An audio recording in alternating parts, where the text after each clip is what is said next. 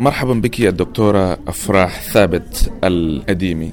مرحبا بك في أخبار الأمم المتحدة وأنت هنا اليوم للمشاركة في هذه المناسبة الخاصة بمناسبة اليوم الدولي لعدم التسامح مطلقا إزاء تشويه الأعضاء التناسلية بالنسبة للإناث. أولا حدثينا عنك. أنا طبيبة دكتورة أفراح كنت أشتغل في الحكومة سابقا كطبيبة نسائية. ثم دخلت مع منظمة محلية تابعة للمنظمة الدولية اللي هي ال IPPF وبعدين انتقلت للأمم المتحدة من 2005 كأخصائية برامج صحة إنجابية حدثينا عن عملك على الأرض. أنت الآن بتعملي في اليمن مع برنامج الأمم المتحدة للسكان. حدثينا عن ذلك.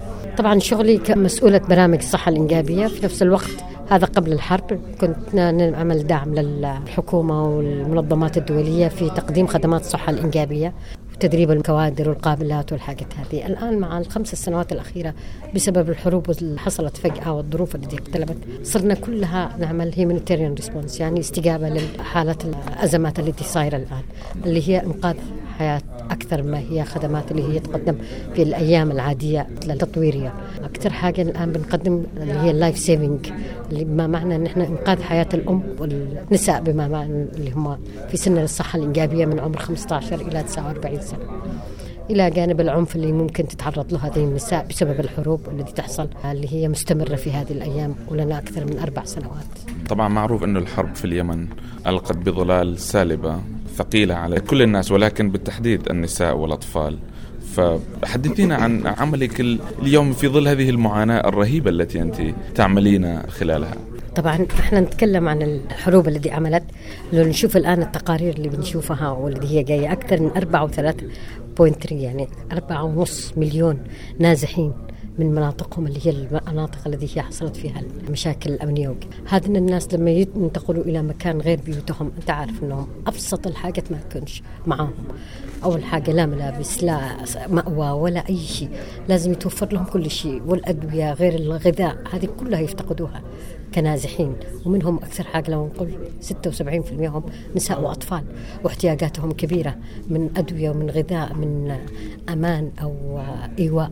كمؤسسات طبعا هذه كل الأشياء لازم نعمل حسابنا كيف نستجيب لهذا الاحتياج الكبير. اللي تحصل في اليمن. كل ما إحنا نبدأ نعمل سيتنج لمنطقة معينة تطلع لنا منطقة أخرى بنفس المشكلة.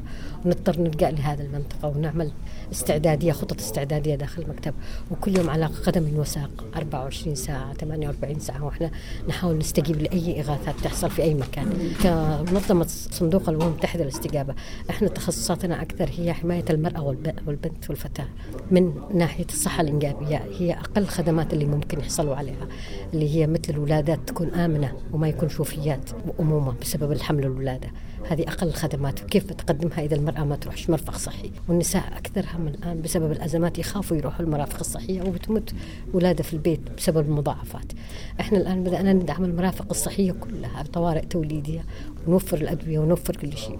في نفس الوقت إحنا عارفين إنه بسبب الحروب هذه توقفت المعاشات أو الرواتب الحكومية للموظفين الصحة كامل. إحنا نبدأ نخصص لهذا عشان نشجعهم إنهم يقدموا الخدمات 24 ساعة بالأسبوع. هذه كلها تحتاج إلى ميزانية كبيرة تشغيلية وإلى جانب الأدوية لازم توفرها إنه ما يكونش في والمرأة ما عندها أي دخل زوجها بدون وظيفة لازم تعطي لها كمان أدوية مجان لازم تقدم تأخذ الخدمة مجان.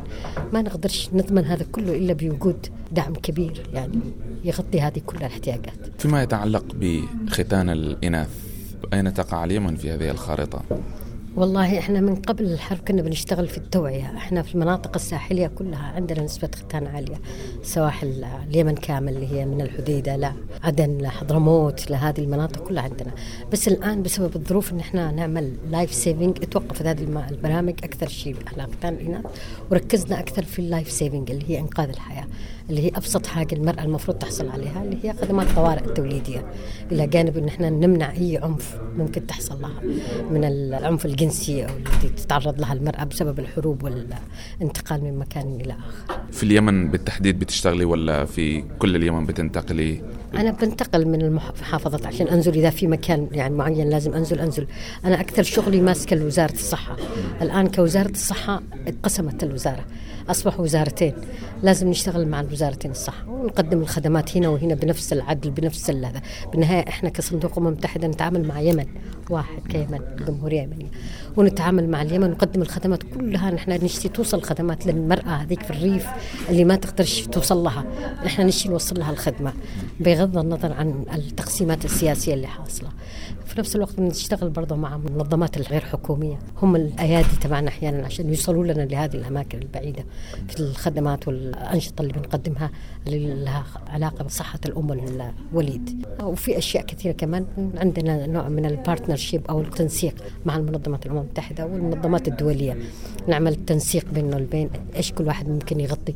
أنا بغطي ال maternal هذا أنت غطيت صحة الأم الأطفال مثلا في اليونيسف منظمة الصحة العالمية نعمل مع بعض ال guidelines والبروتوكولات هذه التي هي تخص الصحة الإنجابية وننفذ مع بعض أنشطة كتنسيق داخليا. إحنا كناشونالز دائما نعمل اجتماعات دورية عشان نشوف الاحتياجات فين وفين ممكن نتدخل مع بعض ونشتغل. خلال عملك أكيد مررت بالعديد من التجارب الإنسانية سواء كانت المؤلمة في ظل الحروب. هل بإمكانك أن تذكري لنا بعض النماذج لمعاناة اليمنيين وبالذات المرأة اليمنية والأطفال؟ والله المعاناة كثيرة جدا يعني كم ما بحكي ما بخلص. زي كل معاناة في كل بس إحنا اللي حزت في نفسي أكثر حاجة أنا يمكن عرضنا عمل هذه بس تجربة عادية يعني. في تجربة مرة زرنا مستشفى قريب هي السنة اللي فاتت تقريبا. زرنا مستشفى وكانت واحدة من النازحات عادها كملت ولادة في مستشفى تعليمي كبير. وكنا دخلنا قسم الولادة. طبعا نزور المرأة الوالدة وهذه. أجينا وهي مغطية طفلها بالطرحة اللي فوق راسها مغطية البيبي. وجيت قلت لها شوف ال baby إيش قد يعني إحنا دائما نسألها إيش معاكي وكذا. أجي تفتح ال baby مغطياها ب newsletter جريدة يومية. ما عندها ملابس تلبسه. مغطية ال baby بالجريده يعني خلي بالك يعني أثرت في نفسي بشكل مش طبيعي. والجو برد في صنعاء. برد يعني بمعنى برد قارس. ومغطية ال baby ومغطيها فوقه بس بالطرحة. حقها الأسود اللي بتخرج تغطي بوشها ومغطيه ال baby بهذاك الطرحة يعني شيء مش طبيعي. لما جينا خرجنا ال baby وطلبت من الممرضة القابلة هناك تشيل الجريدة عشان جبناها إحنا في حاجة نسميها اللي هي ال mama kit. فيها ملابس للأم وال baby دائما إحنا نوزعها في هذه الظروف. إحنا حطينا قلت لها خرجي لها خلي تلبس ال baby. هي اجت تخرج تصدق ما عرفت تشيل ال newsletter من فوق ال baby peeled يعني كأنك تقشر لأنه صابت مع المي اللي خرج فيها. دخلنه داخل الحوض مي وغسلته عشان تعمل peeling لل... ورجعت تلبسه اللبس وخرج. يعني شيء مؤلم جدا جدا. ما ما أقدرش أوصف لك الشعور اللي كانت حسيت فيها. بعدها بدأنا نعمل زي الدعم نطلب من المانحين إنه يساعدونا إحنا لشراء هذه الأشياء. بدأنا نشتري لهم زي ملابس للأم اللي هي ال dignity kit هذه اللي نسميها. فيها كل الاحتياجات للأم لما تدخل تولد. بالنهاية هي نازحة. يعني يا دوب تدخل أحيانا المرافق الصحية ما يرحموا يخلوها تقدم تدفع فلوس. يعني ولو إن إحنا بنحاول ندعم إنه ما يدفعوش بس ما زال ما نقدرش نعمل كنترول لكل الأشياء. ما زال بتدفع عشان كذا يعني هي تقول لك عندي أولوية إني أخرج بالسلامة والبيبي سهل لما أوصل بدور له أي قماش وأغطيه. شفت كيف المعاناة اللي تعانيها؟ المرأة هناك.